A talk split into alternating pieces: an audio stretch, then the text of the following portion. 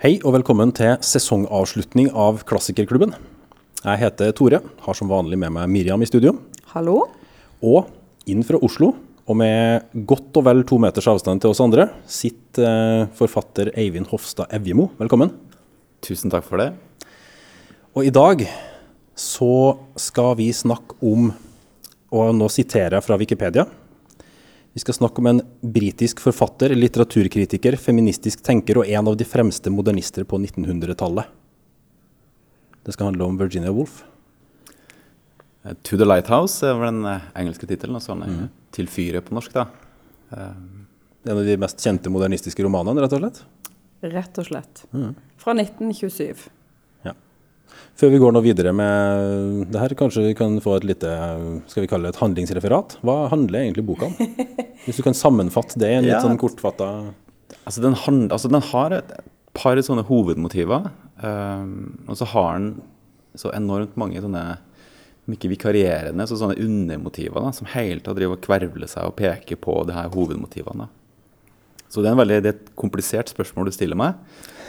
Eh, men eh, den, de grove linjene er det at den første delen i romanen, som er den eh, lengste, som heter 'Vinduet' på norsk, der følger vi hovedpersonen, Mrs. Ramsay, og hennes mann Ramsay, og deres åtte barn og deres venner i løpet av en sommerdag på et sted i, som heter Isle of Skye i Skottland. Som er et sånt sommersted. Og det er liksom rammen for, de her, eh, for denne første delen. da.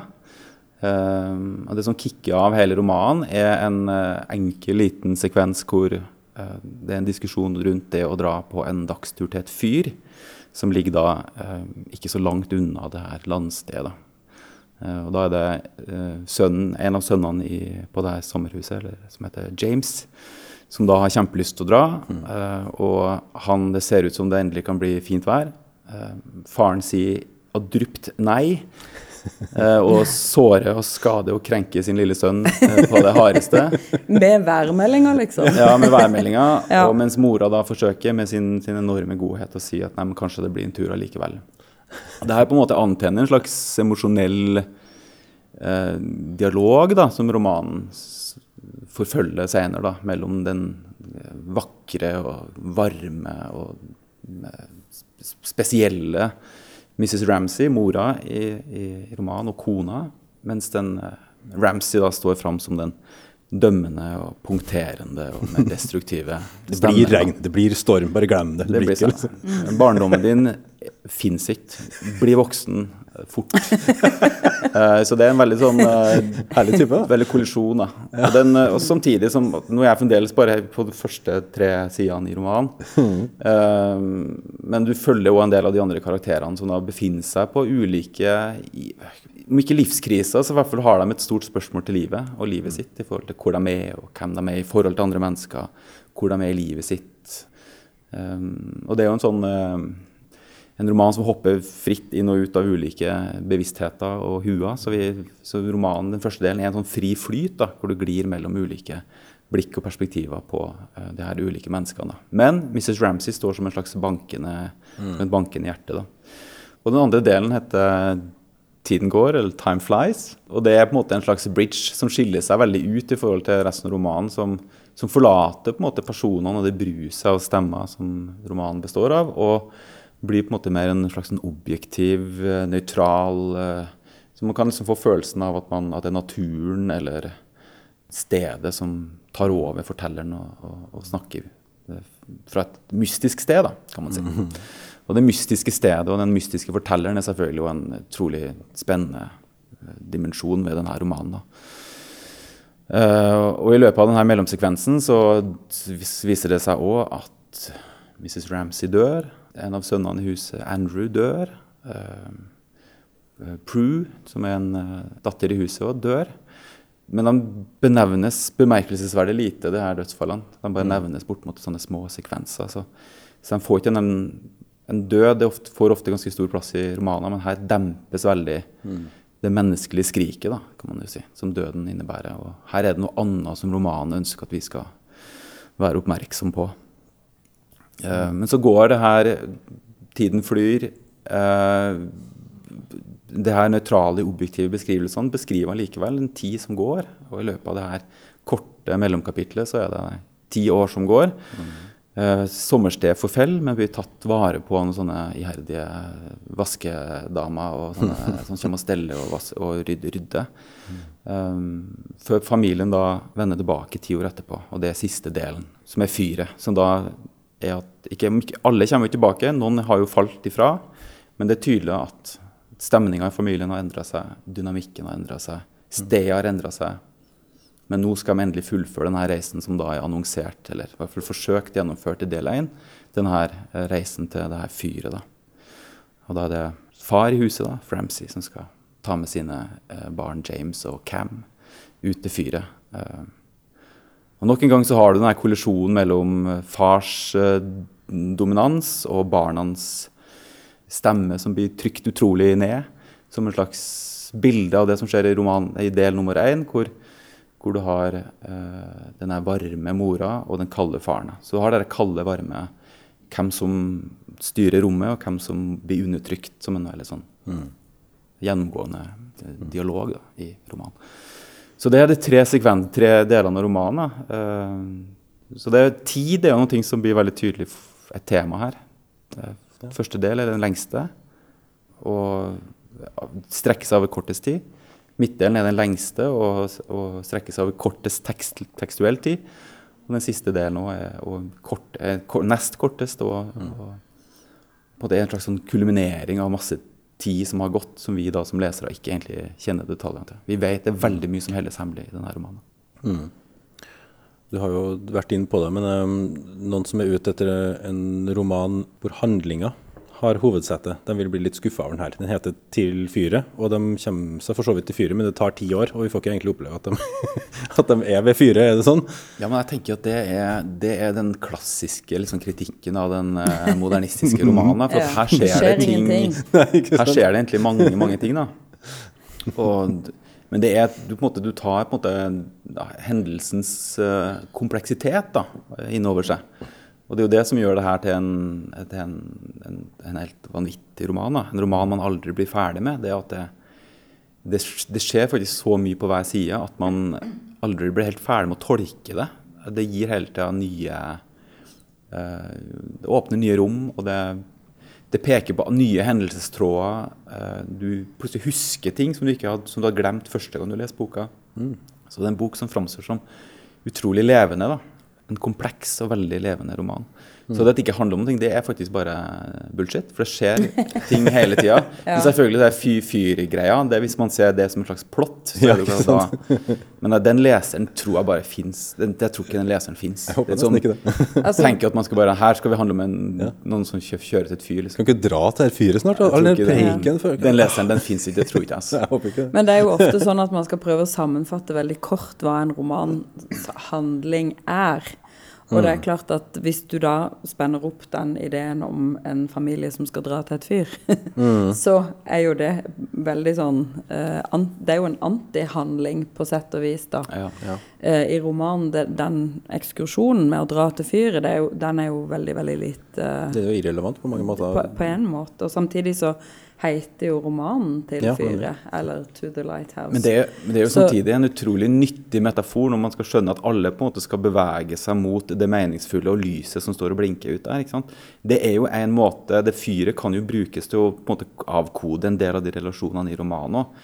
Så på den måten så er jo fyret selvfølgelig et konkret fyr, men det er jo på en måte en, en invitasjon til å tolke romanens mer metafysiske tematikker òg, da. Og forstå det. Uh, det er jo barn som skal bli voksne og, og liksom navigere i sine voksne liv. Det er lyset gjennom mørket. Det, altså det er mange ulike hjelpemidler da, du får gjennom det her veldig konkrete eh, fyret som står og blinker ute der. Jeg tror kanskje det som er mest fre altså Hvis du ser for deg en leser da, som er vant til å lese en sånn realistiske romaner, mm. da, så det mest sånn sjokkerende er jo at man kan bruke så utrolig lang tid eh, på å beskrive kun tanker. Tankestrømmer, tankerekker. Hvordan en veldig ubetydelig eh, ytre hendelse kan eh, forårsake et helt sånn ras av refleksjoner i et menneske.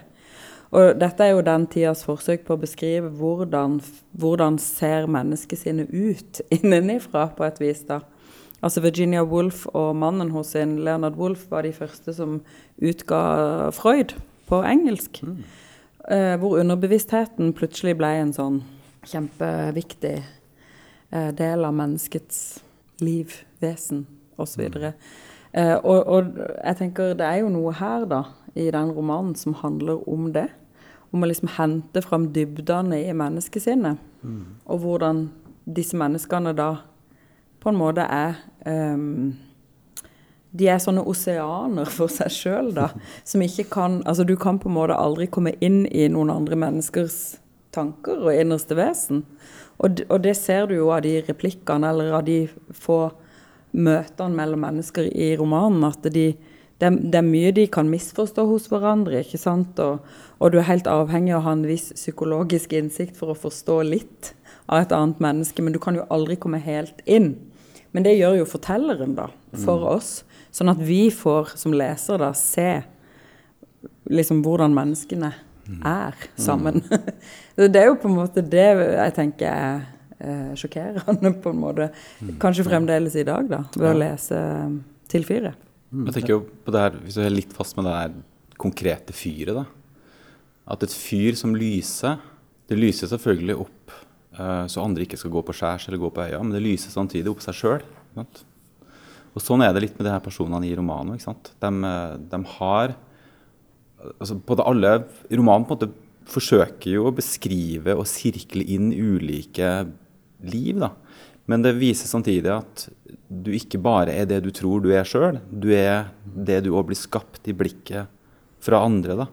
Og gjennom den historien som andre får ut av deg. da. Mm. Eh, og da syns jeg også fyret blir så, som et sånt vakkert, men også egentlig ikke for tydelig symbol på akkurat det. At du, du både du lyser opp andre, men du lyser opp deg sjøl. Og Uh, og da Mrs. Ramsay får jo den tydeligste uh, funksjonen uh, i forhold til det. da. Så det å være synlig, og det å gjøre seg synlig, det å, at andre blir synlige, er en så utrolig stor tematikk i det å komme inn i fokus, f.eks. Så du plutselig ser liksom, et menneske tydelig i forhold til det i neste sekvens hvor du føler at den samme personen står utydelig. Det føles nesten som om forfatteren altså det, jeg, jeg tror ikke jeg har lest en bok som får til det akkurat denne bevegelsen som når du stiller inn fokus på et fotoapparat. Du glir på en måte inn og ut av fokus. Mm. og det skjer på en måte i setning og på, og på språknivå. Da. Og det, ja, det, det der, der, ligger det jo noe sånn enormt virtuost mm. som gjør til at denne Virginia Woolf ofte sikkert å regne som forfatternes forfatter. da. Mm. De blir så jævlig imponert hei, altså, hele tida, liksom. Mm. ja. Jeg, hadde jo, um, jeg har jo lest eh, tidligere da, det, noen av de andre som regnes som det tidlige 20. århundrets store forfattere, som var opptatt av det indre. altså Prost han er jo liksom forsvinner så langt inn i sitt eget hode at det blir liksom vanskelig å dekode hva han snakker om, syns jeg. Joyce syns jeg på mange måter gjør seg liksom nesten vanskelig med vilje. Men jeg leste eh, til fyret for første gang nå i år. Og det første som slo meg, var egentlig hvor umiddelbart språket var i forhold til de, de to som er nevnt nå. da. Altså at det er utrolig flink til å fortelle på en egentlig ganske enkel måte, men du sperrer liksom opp øynene og blir litt sånn forbløffa over at oi, det var en utrolig god observasjon. Som du sier, flink til å sette ting i fokus og fokusere på akkurat det du ikke ville ha funnet på egen hånd. Da. Um, det er jo en sånn veldig veksel i språket mellom ja. ufattelig lange setninger, ufattelig mange leddsetninger, ikke sant? Og så kanskje går over en halv side en setning til du kommer til punktum, ikke sant? Fordi du mhm. er på en måte bare inne i en sånn refleksjonsstrøm. Og så kan det komme en sånn kjempekort setning. Sånn, liksom. Som mm. bare og så, så, det er en sånn rytme, da, i, ja. um, i denne her um, prosaen. Som er, uh, det er, det, er, det er vanskelig å ikke la seg liksom drive med inn i det. Mm. Og du kan synes når du begynner å lese Virginia Woolf, ofte syns jeg da at oh, det er litt kjedelig, liksom sånn. Og så bare plutselig så bare kommer du litt inn i det. Mm. For det er en egen rytme, og det er en egen stemme liksom som, som driver deg videre. Og det er et eller annet fascinerende med at du har så mange perspektiver som kjører samtidig. For det, hun kan plutselig liksom gå helt ut og eh, henviser til liksom et eller annet i India, eller altså til den britiske statsmakten ikke sant, i et øyeblikk. Og i neste øyeblikk så er det noe med et av barna, eller fyrvokterens sønn må ha en strømpe, så hun sitter og strikker på den. Så det, det er liksom Altså denne fru Ramsay. Så det er, det er noen sånne vanvittige perspektiver som, uh, som samles, da.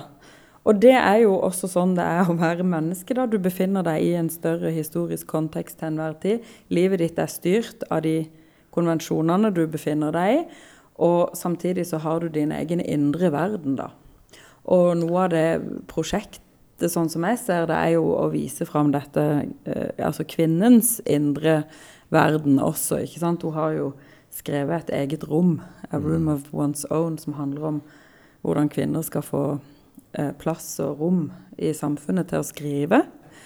Um, så både 'Til fyr' og 'Mrs. Dalloway' er vel også egentlig ganske sånn feministiske Uh, for å på en måte vise fram da at kvinner, kvinner har også en, en indre verden og, og tanker og, og, refleksjoner. Men samtidig så viser hun også fram fru Ramsays um, litt sånn underlegne posisjon i forhold til sin mann. da, ikke sant? Hvordan hun er liksom henvist til å være litt sånn beundrende og tilgivende. Og mm. hun må være det varme mennesket. For det er det som holder familien sammen. Jeg syns det, det, flyter veldig sånn fritt, da. Jeg tenker det er jo en vanvittig kapasitet hos Virginia Woolf som kan gjøre det. Å mm. gli sånn inn og ut av alle de her forskjellige bevissthetene og mm. synspunktene og mm. Det er noe veldig Det er et lurt valg av Virginia Woolf å, å, å plassere denne romanen på et sånt uh, sommerhus. Uh, for du rykker på en måte karakterer og folk litt ut fra den her sosiale eh, eh, kategorien, eller du tar dem bort fra det sosiale hierarkiet som ellers på en måte gjør dem trygge. da.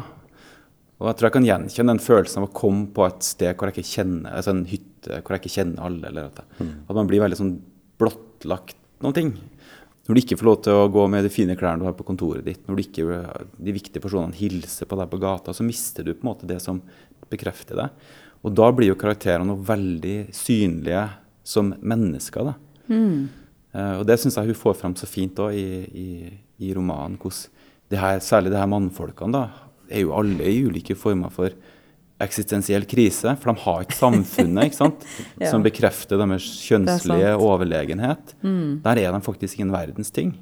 For der er det mer på en måte altså, kvinnen som, som styrer, da, som spinner sine nett, og, og, og, stå, og barna um, Altså, Mannfolkene blir jo bare sånne stive, stusslige typer som går og drømmer og tenker filosofiske og dype.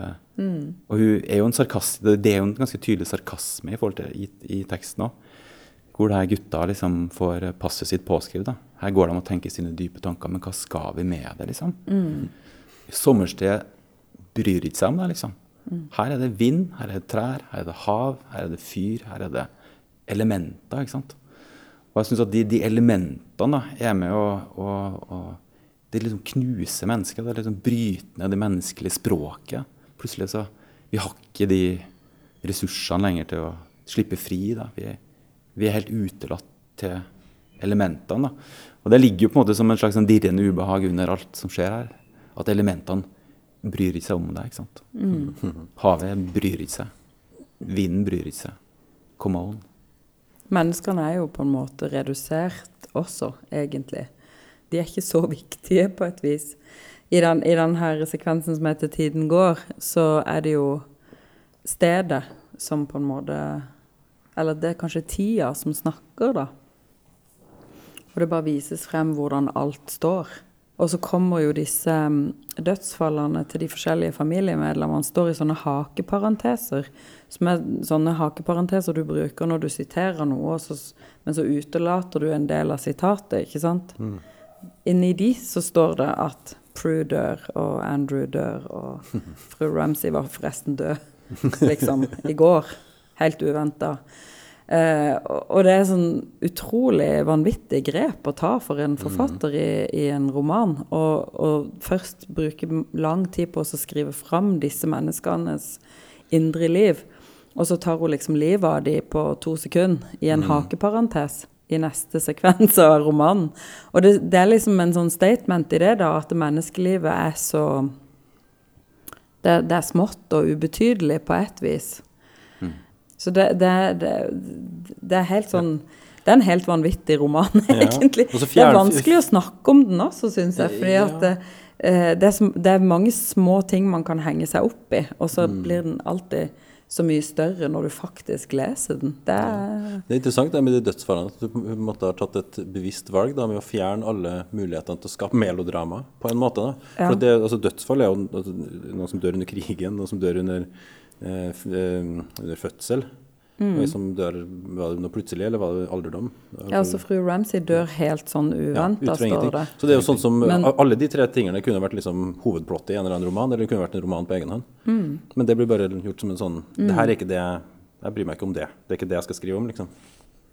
Jeg skal skrive om hva det gjør med de folkene etterpå, på en måte, eller Ja, eller hvordan påvirker det stemninga i familien, eller sånn.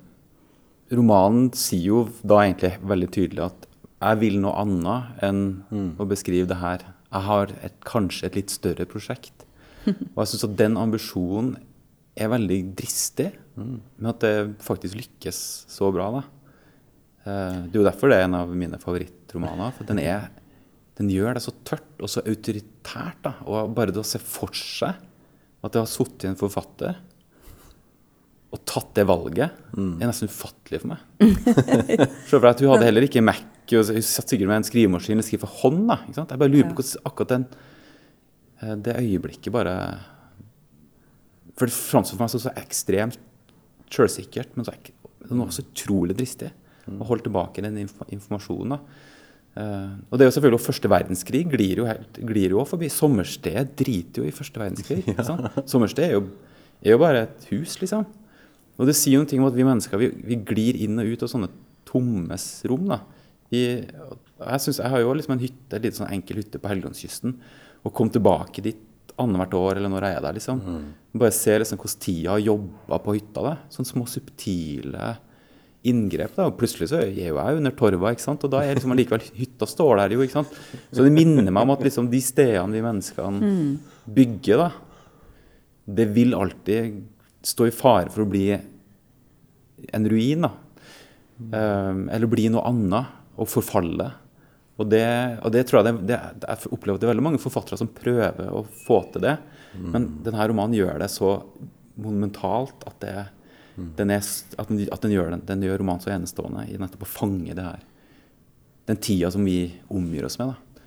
For da treffer det på en måte kjernen i, eh, i et menneskeliv, tror jeg. Hvorfor dør vi? og Alt er jo egentlig så totalt meningsløst. da. Eh, Mrs. Ramsay får jo til og med åtte barn! ikke sant? altså, åtte barn. altså Det er jo så, de, og så desperat på å gi livet sitt mening, da, sånn som i min lesning. da. For meg er det et bilde som Virginia Woolf, som da ikke fikk barn, og, ikke, liksom, og, og ville ha barn, men ikke fikk det. Nå, nå går jeg kanskje litt fort fram, da, for, Miss, eh, for Virginia Woolf er jo òg eh, portrettert som kunstner i romanen, sånn som jeg ser det. Eh, men at hun da, det her barna som da på en måte blir sånne symboler for mening, da. Men når det kommer til stykket, så blir de òg på en måte tomme, da, mer eller mindre. Hun sitter jo sammen med James og leser sin bok, og så føler hun inn verdensting. da. Hun evaluerer sine egne følelser. Og i det øyeblikket hun begynner å evaluere sine egne følelser, så innser hun heller ikke det her betyr noe. Det er interessant. Til og med hun gir liksom barna sine eh, navn etter konger og dronninger i den britiske historien. Så allikevel ikke Hun forsøker virkelig å hekte sitt liv på større, et større narrativ. da. Hele romanen er egentlig dypt tragisk, og slutten er jo veldig tragisk. Så det, så det likegyldige og det tragiske og det usle lille menneskeliv ligger der hele tatt som en slags premiss for de her små vindene av pust og hodebunn og kneskåler vi kaller mennesker. Eh, det ligger der bare Vi, ja. vi, nesten allerede, vi nesten allerede spør, opplever nesten romanen som en spøkelsesroman og har lest den. Ja, ja, ja. Mrs. Ramsay er et spøkelse fra side én, og alle er allerede døde. på en måte. Da. Det er en utrolig forunderlig opplevelse å lese den på den måten. Men nå har du åpna døra til um, å tolke Virginia Woolf inn i sitt eget verk. Uh, og før vi gjør noe mye altså med å si at hun, du mener hun representeres gjennom denne kunstneren. Ja. Men før vi gjør det, så tror jeg kanskje vi må lære litt mer altså Hvem, hvem er Virginia Woolf? Ja, hvem er Virginia Woolf? Hun er uh, Hvem er redd for Virginia Woolf? Ja, hvem er Ja. Virginia Woolf? Altså, jeg har uh, uh, Mitt første med Virginia Woolf var med denne boka da jeg gikk på litteraturvitenskap. Og der havna Virginia Woolf innenfor de ja, tidlige modernistene innenfor uh, europeisk litteratur. Hun skrev på en måte en, en litteratur som, eh, som fikk en, på en, måte en slags sånn overgangskvalitet. da gikk fra den realistiske, naturalistiske tradisjonen til å skrive mer impresjon, impresjonalistisk, mer sånn oppløste fortellere, mer eksperimentelle blikk da, i, i sine romaner. Så var vel òg en, en kvinne fra det øvre klassesjikt i England. En privilegert kvinne og som har fått, fikk kritikk for det ved at hun skrev sånne verdensfjerne romaner midt i en periode hvor Europa brann. Ja. Eh, og den her isolasjonen fra det her begivenhetene som Altså I denne romanen i forhold til første verdenskrig da, det her er, Jeg mener jo det her er en første verdenskrig-roman. En, en overklasseroman. da, Men altså sett fra overklassen. da. Ja. Men at det her overklasseelementet nok ligger i hennes eh, erfaringsbakgrunn da, når hun skriver sine bøker. Hun ga ikke ut så altfor mange bøker heller. Eh, nå har jeg ikke sånn akkurat uh, lista her, men det var vel en seks romaner og essays og uh, og var forlagsredaktør. Og, så hun var jo en, en markant skikkelse i sin tid. Hun er jo en av de, i, sammen med ja, Kafka og et par andre De ble, fikk ikke Nobelprisen, og som er en, en tragedie, selvfølgelig, at ikke hun fikk den. Hun, så, hun ble, så hun hadde en stjerne, hun var en stjerne i sin egen samtid, men samtidig så, så, så missa det her det mulighetene til å bli- kanskje bli enda større. da. Altså En av grunnene til at hun var en uh, kjent person uh, i sin samtid, var jo også at hun var en del av et større miljø i London på uh, sånn 1910-1920-tallet. eh, The Bloomsbury Group, som besto av veldig mange kunstnere. Men også litt forfattere og en økonom her og der, og litt sånn forskjellig eh, borgerlig rusk og rask som samla seg eh, for å eh, liksom utvide perspektivet på livet, da, kan en vel kanskje si. Um, Virginia Woolf um, hadde jo ikke et sånn borgerlig liv, men, men det var bakgrunnen hun kom ifra. Og de var jo akkurat privilegerte nok til at de liksom kunne leke med seksualitet og ekteskap og kjønnsidentitet og, og, og Men ikke måtte liksom gå på en jobb fra åtte til fire, ikke sant, eller å slite livet av seg. Dette var mennesker som levde på uh, arva penger, gjerne, ikke sant, og som hadde kanskje fine stillinger i samfunnet, på sett og vis.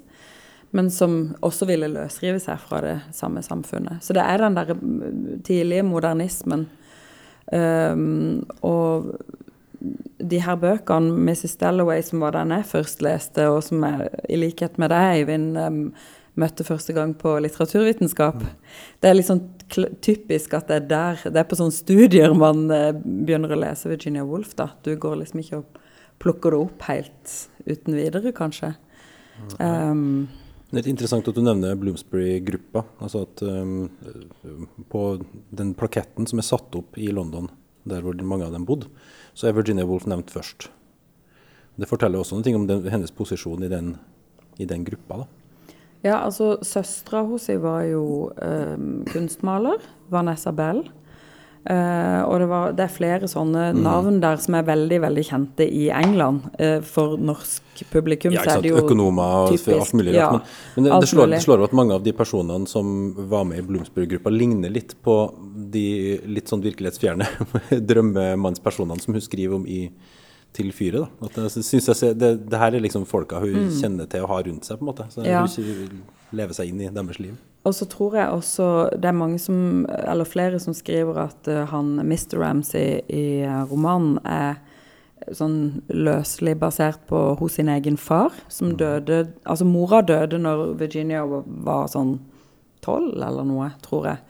Og så døde faren liksom sånn ti Ca. ti år seinere. Så hun og søstera og broren ble jo foreldreløse tidlig i 20-årene. Og dermed så kunne de på en måte hoste, holdt jeg på å si, alle de her løs, borgerskapets løse fugler som eh, var rundt og eksperimenterte med ditt og datt. Og, og danna litt sånn utgangspunktet, kanskje, tror jeg, for en del av de her eh, grupperingene. Jeg har sett en sånn her oversikt en gang hvor noen har liksom tegna opp alle medlemmene av Bloomsbury Group, og så laga sånne eh, forbindelseslinjer mellom de, liksom, Han var gift med hun, og hun hadde et forhold til hun, og hun hadde et forhold til han igjen. Så, altså de, det virker jo som en sånn kjempeorgie, egentlig, hele greia, men med masse sånn eh, høytravende intellektuelle samtaler ikke sant? og forlagsvirksomhet og oversettelser og skriving og produksjon av kunst. og Jeg tror også han EM Forcer var en sånn løselig tilknytta type litt sånn på slutten. Så det er jo mange sånn veldig spennende personer som hun omgir seg med i hele den eh, altså Du blir jo veldig forma i begynnelsen av 20-årene, og i alle fall særlig på den tida. Da var man jo skikkelig voksen. Så jeg tenker at det har vært veldig sånn dannende og formende å henge med de her folka. Og, de, og, og har gitt en sånn selvtillit til å faktisk kunne sette seg ned og skrive disse romanene som jo er, som Eivind sier, helt sånn Du blir så slått i bakken hver gang du leser Virginia Woolf. Ambisiøst som bare det, men, det, Ja. men det oppfyller ambisjonene. Og det, det er sjelden. Så det var synes- kanskje en gang på 60-tallet at hun ble virkelig stor. Altså, det vet, jeg vet ikke. Hun ble lest på universitetene igjen, og så spredde det seg på en måte en slags den, eh, Da særlig knytta til en feministisk nylesning av forfatterskapet, som gjorde at du fikk liksom virkelig vin i seilene. Og så, så er det vel sånn at man eh, det her stivbeinte mannfolkene kom etterpå da, og oppdaga at det her er jo helt Det var ikke så verst.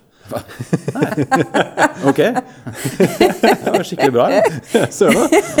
Ja, jeg har liksom inntrykk av at eh, nå har jo, mm, Da vi snakka med Janne Stigen Drangsholt, så nevnte hun at kvinnelige forfattere opp gjennom historien får gjerne bare én roman. Eh, altså, man blir bare kjent for én bok. Uh, og at kvinner måtte liksom skrive under pseudonym, for ellers så blir vi ikke tatt på alvor. Jeg kan se for meg at for en kvinne på 1800-tallet for eksempel, da, som, som kanskje hadde et eget rom å skrive på, eller kanskje ikke det, men har skrevet noe, og skal gi ut noe og gir ut under mannlig pseudonym, så er det litt for å slippe å bli sett på som bare en altså, å, du er ikke forfatter, du er en kvinnelig forfatter. For det er fort gjort å bli satt i et sånt bur, da, nærmest som en sånn uh, trent apekatt. Se! Hun kan jo skrive! Er ikke det rart? Men så bryr hun seg ikke liksom så mye om hva, er det hun skriver, da? Hva er det hun, kan vi jo lese den boka istedenfor å bry oss så fordømt mye om hvem som har skrevet den. Dette blir sånn, sånn tvangstrøye. Ja, det er jo mange av de store britiske roman... Altså George Eliot var jo en, eh, en kvinne. Marianne Evans, tror jeg hun heter egentlig. Og Mange en av. Brunte-søstrene er, er det Jane Eyre, som er utgitt under et mannlig pseudonym. Altså det, det finnes utallige eksempler på det.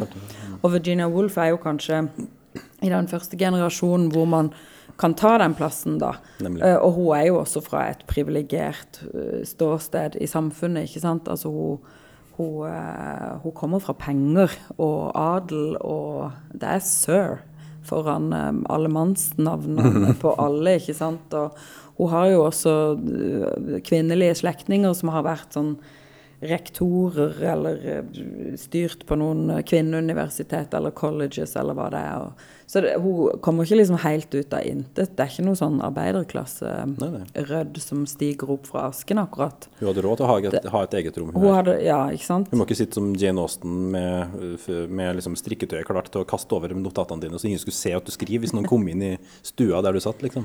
Ja, altså det, eller det, det kunne i alle fall kanskje få en mer eh, prominent plass da, på, um, på 20-tallet. Eh, og så er det jo dette her med, med disse krigene. Jeg synes det Hun tok jo livet av seg i 1941. Det syns jeg er litt sånn, eh, sånn fascinerende tidspunkt, på en måte. Sånn helt i starten av andre verdenskrig. Eh, Det er ei som har da vært igjennom denne altså Første verdenskrig var jo enormt transformerende for eh, den europeiske ungdommen. Det er jo utrolig mye av, av litteraturen som er eh, veldig influert av det som skjedde under krigen, ikke sant? The Great War.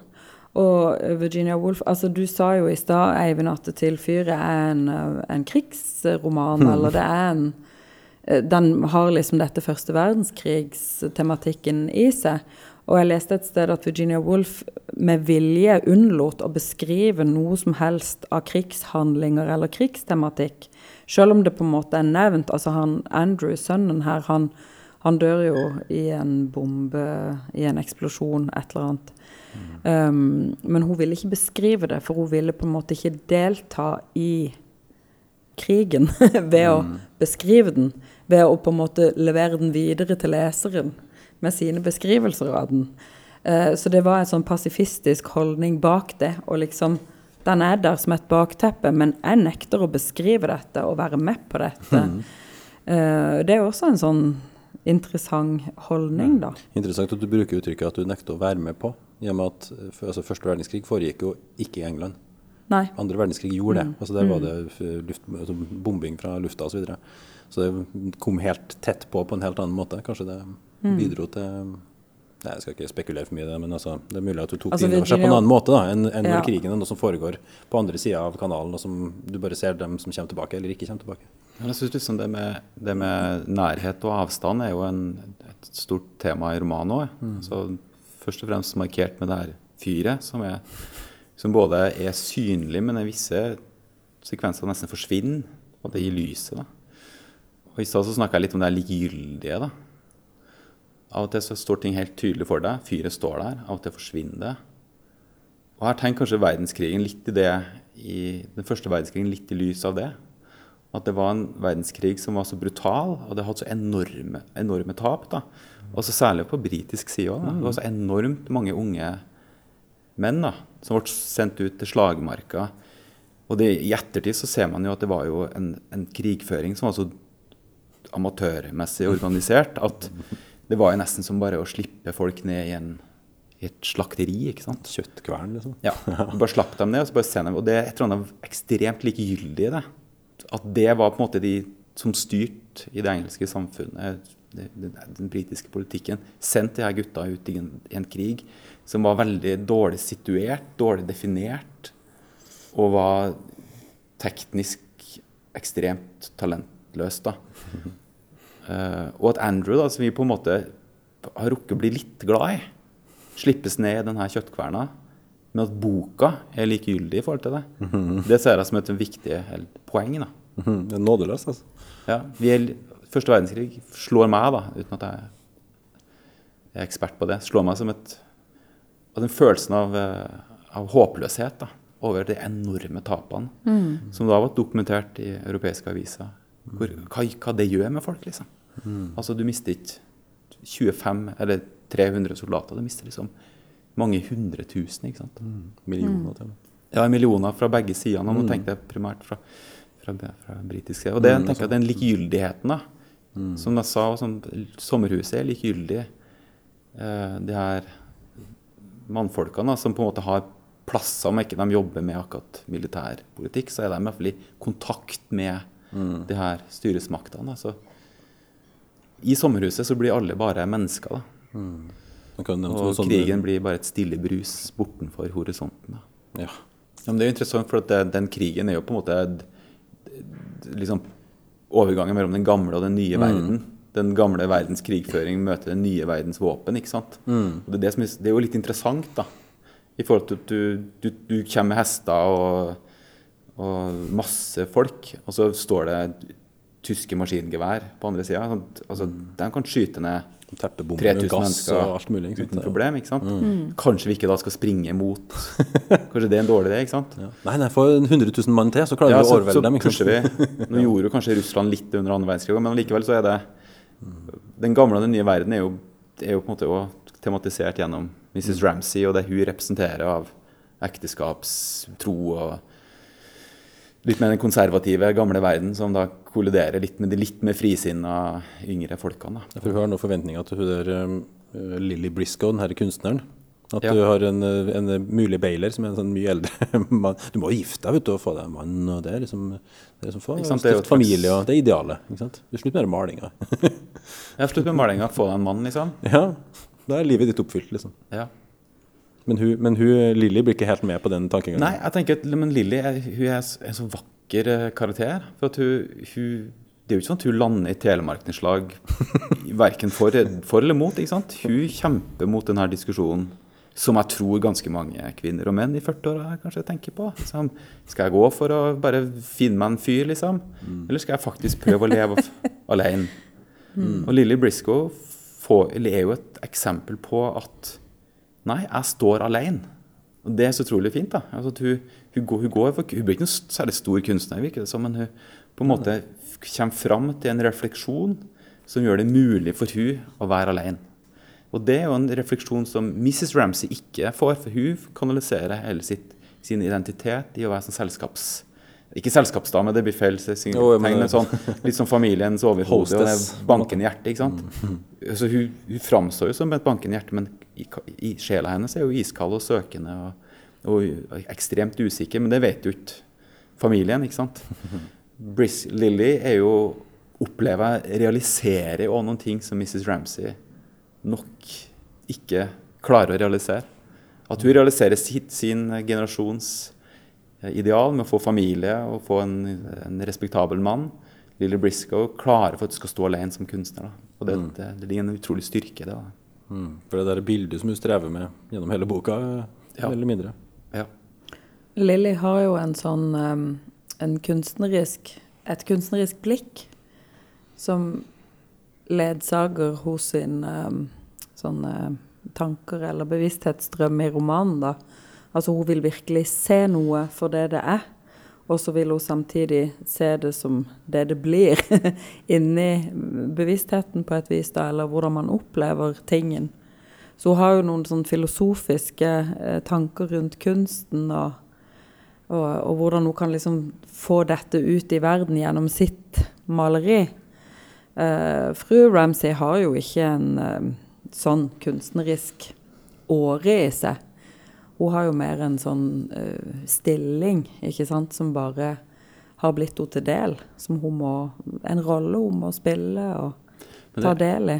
Jeg tenker på at hun Lilly forsøker å realisere noe meningsfullt i maleriet sitt, ikke sant? Mm. Mens Mrs. Ramsay forsøker å realisere noe meningsfullt i familien sin. Mm. Så har, altså, familien blir på en måte hennes kunstverk. Da, om ikke, mm. altså, det, Analogien er litt søkt, men likevel jeg, jeg opplever når jeg leser romanen, at det, de har ulike generasjoner av sin ideal. Da, de har ulike idealer. Mens det framstår for meg som at Lilly har kommet på et sted hvor hun kan faktisk, faktisk frigjøre seg da, fra det idealet som Rams, Mrs. Ramsay er da, bundet til. da. Gunhild Øyehaug har en veldig fin lesning av Tylfyre i sin bok um, 'Stol og ekstase'. Og det er faktisk Tittelen på den essaysamlinga er faktisk fra Virginia Woolf. For hun, hun, er opptatt av mange ting. altså Det er en veldig perspektivrik tekst som alle som interesserer seg for denne romanen, bør absolutt lese den boka. da. Eller lese det essayet, i hvert fall. da. Og Hun snakker veldig mye om det at, uh, at maleriet i seg sjøl er jo et forsøk på å skape en helhet. da. Hun er jo på sånn kompositorisk jakt. da. Jeg tror å finne det her de her avgjørende linjene som man skal fullføre verket. da. Og for meg, altså Det kan også virke som om Mrs. Ramsay på en måte er på jakt etter de her linjene som skal fullføre verket. da. På en måte At Banks skal gifte seg med mm. eh, Lilly. Den og den skal lykkes med det. Det her menneskene skal oppføre seg sånn og sånn i det her middagsselskapet. da.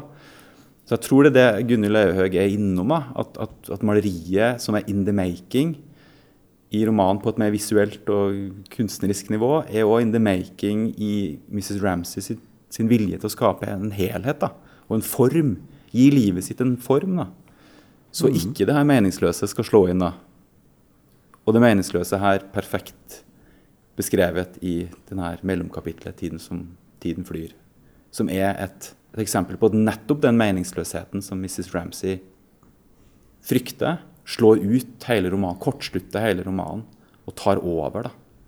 Mens jeg tror at Lilly Briscoe da, nok har en mye mer forståelse, mer åpenhet i forhold til det her mer abstrakte som da det er stedet representerer for på egen hånd. Det er lyset som glir over plena, det er trærne og mm. bladene som detter, landskapet, avstand. Men de, i liksom ulike generasjoner, fra ulike premisser, er på jakt etter en form i livet sitt. Mm. Det har Det har vært veldig vagt og langt, kanskje. Jo, nei, men uh, jeg syns det er fint, jeg. Men, men så har du sånne, sånne gledesdrepere som Charles Tansley, som uh, det blir stadig trukket frem, som sier at eh, kvinner kan verken eh, male eller skrive. Det er liksom bare, bare å glemme. Hva representerer eh, han? For der har du jo et ganske sånn tydelig sånn eh, feministisk blikk. Eller han har jo det motsatte, da. Men hvis man sier at det, kvinner kan bare glemme å drive med Ja, han er jo en, sånne ting. han er jo den mannlige streberen, da. Som ikke tilfører vitamin eller lys til noen ting som helst Det er jo ingen som liker han heller, er ingen som egentlig. Eller det går litt opp og ned, da, men Han har nok en status, men ingen liker han. noe sånt. Og det er som en mann kan ha, da, ikke sant? Ja, ja, ja. Men eh, her må vi på et eller annet vis kanskje kommentere Virginia Woolfs eh, depresjon. Kanskje. ja. Altså, det er jo en eh, Til tider så er, kan man jo bli litt trist av å lese til fyret, tenker jeg. Eller litt ille til motet. Eller litt deprimert. Eller kan man ikke det? Jeg tenker så, hvis du leser Når du leser romanen som bare ren litteratur, så blir man så overvelda av språk og komposisjon og dette her eh, vanvittige psykologiske sveipet inn i så mange menneskers liv og bevissthet. Og samtidig så får du en sånn synkende følelse også, ikke sant? Av å lese de der hakeparentesene med at ja, by the way, liksom, fru Ramsay døde i går. eh, sant? Man blir jo helt sånn sprø også. eh, Ramsay strekker seg etter puta, og der hun er hun er ikke der. ja, ikke sant? Og, og det er liksom det derre For det kan også være et veldig sånn mørkt blikk på tilværelsen, tenker jeg, som ligger i den derre tiden går-sekvensen hvor på en måte Ja, det der men, lille menneskelivet. Det er jo ikke uh, Det er jo ingenting. Det Det bare bare kommer og går, forsvinner. ja. Verden består. Det minner litt om fortellerstemmen din fremmede. Mor døde i dag, eller var det i går? Jeg husker ikke helt. Det er ikke så farlig. Altså, det er jo Det det, er så viktig. det moderne menneskets uh, liksom tomhet, da. Ja, jeg, jeg skjønner altså, Snakka om at Virginia Woolf kom liksom litt mer til sin rett igjen på 60-tallet. Det er jo for så vidt rundt den samme tida at Camus drev og skrev også. Så jeg ser at det på en måte, på en måte kanskje passa bedre inn tematisk, iallfall med den tematikken. da, Hun er, På den tida. hun Og med feminismen veldig selvfølgelig også, da, som vi har vært inne på. Mm. Så det er en veldig sånn aktuell, men det er et veldig aktuelt forfatterskap da, som kan bety som sikkert betydde noe annet på 20-tallet, tenker jeg. Og opplevdes som noe annet da, og 30-tallet, da hun var aktiv som forfatter. Men som i, med stadig nye generasjoner så får man et nytt blikk og et nytt lys på, på det, som, øh, det som hun ga ut. Men hvordan ser vi på henne i dag? Altså, hva er det som skiller vår lesning av Wolf sin forfatterskap i dag? Hva skiller det fra sånn som vi så på det, eller vi, man så på det da hun fortsatt levde? Ja, For det tenker kanskje jeg at, eh, som du sier, på 20-tallet, så tenker jeg at den litterære formen og det litterære liksom, prosjektet, eller det, dette her synet på eh, menneskets bevissthet, at det kanskje var det som Jeg kan egentlig ikke nok om det, kanskje, men, men det var jo på en måte det som drev eh, fram disse romanene. Det som var mest nytt da? Aktuelt Ja, da? liksom det nye synet på eh, menneskets underbevissthet og denne bevissthetsstrømmen man kunne prøve å liksom vise fram i litteraturen. Uh, mens i dag Jeg vet ikke, nå er vi jo på en måte vant til dette, da. Det har jo også blitt et mye brukt litterært grep. Etter eh, både Virginia Woolf og James Joyce og eh, flere som skrev eh, en sånn type tidlig modernistisk litteratur. Men også etter andre verdenskrig så har jo litteraturen vært prega av, av dette tapet av mening, ikke sant? som også kommer etter første verdenskrig. Men i dag Jeg tror kanskje det er veldig mange i dag som ehm, Som leste først på litteraturstudiet, og ikke de egentlig tenkte leser på det før eh, det. sånn som oss. Leser, møter Virginia Woolf på litteraturvitenskap. Eller at man er mm, også interessert i hennes livshistorie. Ikke sant? Hun hadde jo i mange år et forhold til en kvinne. Og eh, var en sånn tidlig foregangsfigur der. Som offentlig forfatter og Mm. ja. Jeg har bare vært sittende og tenkt på det eh, på toget hit til Kristiansand at eh, om den ikke var samtidig med Marken Skrøde, så var den på en måte Den, den kom vel i 1917, men uh, eh, Det er Ti år imellom, cirka. Ikke? Ja. Cirka om kom i 27. Og at jeg kan liksom ikke tenke meg to romaner som er mer forskjellige, da. Som, altså i forhold til det, det, det Hvis vi tenker i et feministisk perspektiv, da. Hva er det Marken Skrøde representerer av kvinneblikk, og kvinnehistorie? Som jeg, som jeg sist jeg leste den, var så Jeg syns det- jeg syns den var så ganske jeg syns den var så bra roman, liksom. Jeg ikke den, var så, den virka datert, liksom. Den virka som den var ferdig. Og det kunne vært sikkert en utrolig spennende sosiologisk analyse i forhold til hva, hva den romanen gjør, og i forhold til hvilken betydning den fikk da, for begivenheter som finnes etterpå. Nemlig at du skal være hands on. ikke sant? Du må gjøre, du må handle. Du må vite hvem som er fiendene dine, du må vite hvem som er dine allierte. Han fikk Nobelprisen også. Ja, så fikk han Nobelprisen. Virginia Woolf har en mye vagere uh, henvendelse. da. Det er ikke så bastant, liksom. Nei, den, den, den ruller ikke opp et program, men beskriver en mye mer som en slags kompleks, kompleks følsomhet. da. Så jeg syns det, det menneskebildet hun får fram, da, er så utrolig mye mer komplekst da, enn det Knut Hamsun gjør i 'Markens grøde'. De er jo samtidig. Og 'Markens grøde' fikk jo politisk betydning for de som, det som skjedde etterpå. Til fyret forsvant kanskje litt før det ble plukka opp og man, man plutselig så hvilke politiske dimensjoner og hvilke energi og kraft som fantes der. da. Og jeg tror egentlig at Hamsun er på vei ned, mens Virginia Woolf og det hun gjør, er på vei opp.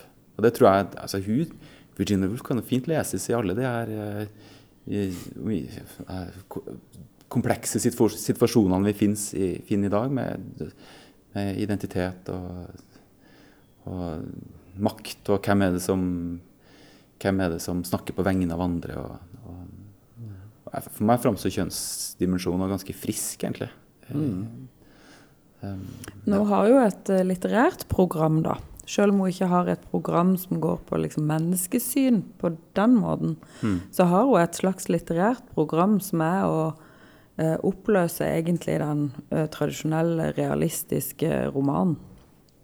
Og, og la på en måte teksten eller skriften være mye mer sann, på sett og vis, da, i forhold til hvordan menneskelivet oppleves innenifra.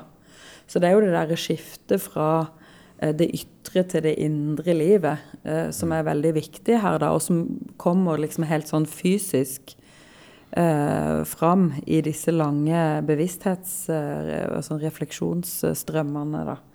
I de forskjellige personene. Men, men så har hun allikevel denne her allvitende fortelleren, på sett og vis. Men, men den kan jo Den kan jo på en måte gå inn og ut av hver persons bevissthet, da. Og så danne et litterært eh, program, da, tenker jeg. Eh, det, er- det er en ekstremt tydelig eh, måte å skrive roman på, på en måte. Det er ingen andre Altså, det går liksom ikke Hva heter det? Tolv på dusinet? eh, altså, det blir, det blir jo ikke en sånn trend på den måten, ikke sant? Men jeg tenker på at det er liksom Banebrytende sånn sett, ikke sant? Ja, men estetiske, estetiske programerklæringer har ofte en tendens til å ta litt lengre tid før man liksom fanger dem opp. da. Hamsun var mye kanskje mer i, i tråd med sin tid og trakk inn elementer som han trengte. liksom. Og at hans romankarakterer fikk mer sånn symbolsk funksjon. da. Her er det jo i Virginia Woolf sin, sine tekster så er det blitt det, altså det er ingen som blir symboler for noen ting som De er først og fremst individer, og man interesserer seg for å kutte inn i livene deres og som nå så forlater dem. da. At det er en veldig sånn eh, kaleidoskopisk tilnærming til menneskelivet. da. Og det framstår for meg som en sånn eh, en, eh, en bedre måte å, å skrive romaner på i dag òg. Hvor det hvem er det som, som, hvem er det som snakker, og hvem er det som snakker på, veg, på vegne av andre. Det det fins en sånn utrolig spennende utfordring for, for romanforfattere å virkelig forsøke å hoppe inn i, i huet på mennesker som har en helt ulik erfaringsbakgrunn. Mm. Har vi noe eksempel på noen sånn tydelige arvtakere etter hennes måte å tenke på eller hennes måte å skrive på? Altså, jeg, jeg, en tysk forfatter som jeg, som jeg er veldig glad i, som heter Jenny Erpenbeck, som, som jeg ser på som en, som en veldig sånn vulfete forfatter. ja, men jeg syns det er veldig mange greier. For hun, altså, jeg tror det handler om det formsikre eh, ved Jenny Erpenbeck, som glir veldig over i det Virginia Woolf gjør. da. Så når jeg leser Jenny Erpenbeck, så ser jeg hele av sånne små nikk til Virginia Woolf. Så det er ett eksempel, og så er det vel sikkert 50 andre som jeg ikke kommer på. Men eh, Helt sikkert. jeg kommer ikke på noen i farten, men jeg bare satt og tenkte på at uh, Til fyret er jo en ganske sånn alvorlig, kan vi si, roman i Til fyret. Og så er det da morsomt å plukke opp f.eks. en roman vi har lest i Klassikerklubben før, som heter 'Flush'. Som også er en liten tekst av Virginia Woolf, som er ganske morsom som handler om en hund. Det er en hund som er hovedrollen. Og så har du også den eh, litt mer kjente, da, kan du si, eh, romanen 'Orlando', som skriver om en person som beveger seg gjennom ulike eh, tidsrom, da. Som lever i sånn, jeg vet ikke hvor mange 400 år, 100 år, 400 år. Ja, noe sånt. Så eh, jeg Det syns er helt, kanskje helt søkt, egentlig, å skifte kjønn underveis òg, ikke sant? ja, det er, det er helt søkt. Så det, det er et eller annet med dette forfatterskapet som virkelig sånn åpner opp så mange Hun har åpna opp veldig mange muligheter for hva man kan skrive om, og hvilke perspektiver forfatteren av romanen kan liksom ta inn, da. Og jeg tenker det er jo derfor også Virginia Woolf er litt sånn forfatternes forfatter, fordi at hun leker mye med og eksperimenterer så mye med både form og eh, ja, disse historiske hoppene og eh, menneskelivets indre og det ytre. Og hun, hun liksom åpner opp veldig mange muligheter, da.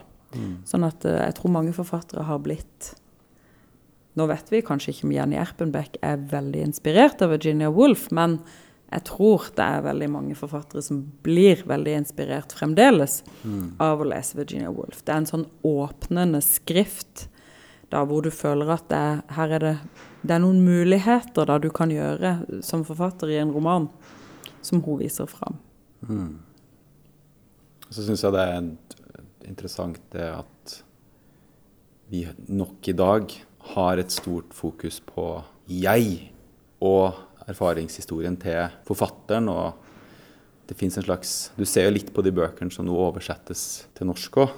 Natalie Ginsberg sist nå, og hun Annie Ernaux, som er forfattere som på en måte representerer en sånn slags sånn dokumentarisme. da, Det som skjer i romanene, er sant. da. Og Det, og det, jeg, har ikke lest Ginsberg, det, men uh, Arnault har jeg lest. Eh, og det er på en måte en tradisjon som nå på en måte liksom blir tydelig. da, Blir synligere og synligere. Men jeg tenker at Virginia Woolf gjør òg noe annet. da. Hennes biografiske historie ligger der så utrolig innbakt i blikket. da. Uh, og det syns jeg er interessant. At, altså jeg tror nok Virginia Woolf vil ha betrakta sine romaner som veldig sjølbiografisk. Men hun trenger ikke å bare beskrive, si 'sånn var det virkelig'. Og jeg syns det er noe veldig befriende i det lille fiktive hoppet. da, Som jeg syns er fint. Altså, som, jeg, som jeg håper at flere forfattere tør å bli motivert av. For det blir en kraft i det å faktisk ta det lille skrittet ut og, og se sitt eget, sin egen erfaring i en, i en sammenheng. da. For det finnes så allikevel så mange portretter av Virginia Woolf i hennes bøker. da. Sånn som Miriam snakka om det her Bloomsbury-sirkelen, eller hva man kaller det. Det er selskapsscenene. Det er så mye selskaper her. ikke sant? Og det er så tydelig at hun har tilgang på selskap, hun har tilgang på hierarkier. da. Nå tar jeg Mrs. Dalloway som eksempel òg. Når først selskapene er i gang, så viser de seg som helt, helt tomme. da. Men du, legger- du, du tviler aldri på at du allikevel er i en situasjon hvor forfatteren portretterer hovedpersonen sin. Eller om du besøker andre karakterer, så er du allikevel i en portrettering av din hovedperson. Og Det syns jeg er en utrolig interessant eh, litterær eh, måte å jobbe på. da. Du tilnærmer deg din egen erfaringshistorie på en helt annen måte da, enn det som kanskje er vanligst i dag. da. At Man går ofte fort til jeget og fort til sitt eget liv, og så høster man av det. I stedet for å tenke på hva gjør jeg hvis jeg skyver det litt? Forstørre den fargen her og forstørre, forminske den erfaringen den der. Kanskje plassere en, en kvinne i stedet for en mann inn i, i mitt liv. Da. Hva skjer litterært? Liksom? Sånn sett så er hun kanskje mm, like mye influert muligens av billedkunsten som eh, litteraturen. Absolutt. Fordi at uh, hun tar på seg denne Malerens perspektiv er jo ofte en, en litt a, et litt annet, da. Enn forfatteren som starter med sitt eget jeg. Ja. Det- Søstera var jo maler, og det var mange malere i Bloomsbury-gruppa. Mm. Det er en maler i denne De var- romanen. Ikke sant? Ja, det er en maler i romanen. Du er bevisst på den, mm. det perspektivet. Men at Virginia Woolf uh, kommer til å bli lest til evig tid det, jeg, jeg tror på en måte hun eh, alltid kommer til å bli lest. Det tror jeg. Og så tror jeg helt sikkert man kan lese forskjellige dimensjoner og retninger inn i det, da. Men jeg tror hun blir stående uansett for oss, fordi hun gjorde det her bruddet inn eh, i forhold til den realistiske romanen, da. Og bare skapte denne her dreininga inn mot det indre. Det har jo virkelig på en måte satt seg, kan du si. Det, det, det har vi blitt vant til etter hvert. Ja. Det har vi blitt vant til. Du står som en påle eller et fyrtårn i litteraturhistorien. Skal vi la det bli siste ord om Virginia Woolf og Til fyret? Så sier jeg tusen takk for at eh, du kom, Evin. Og takk som vanlig, Miriam. Takk, takk. Takk for at jeg fikk komme.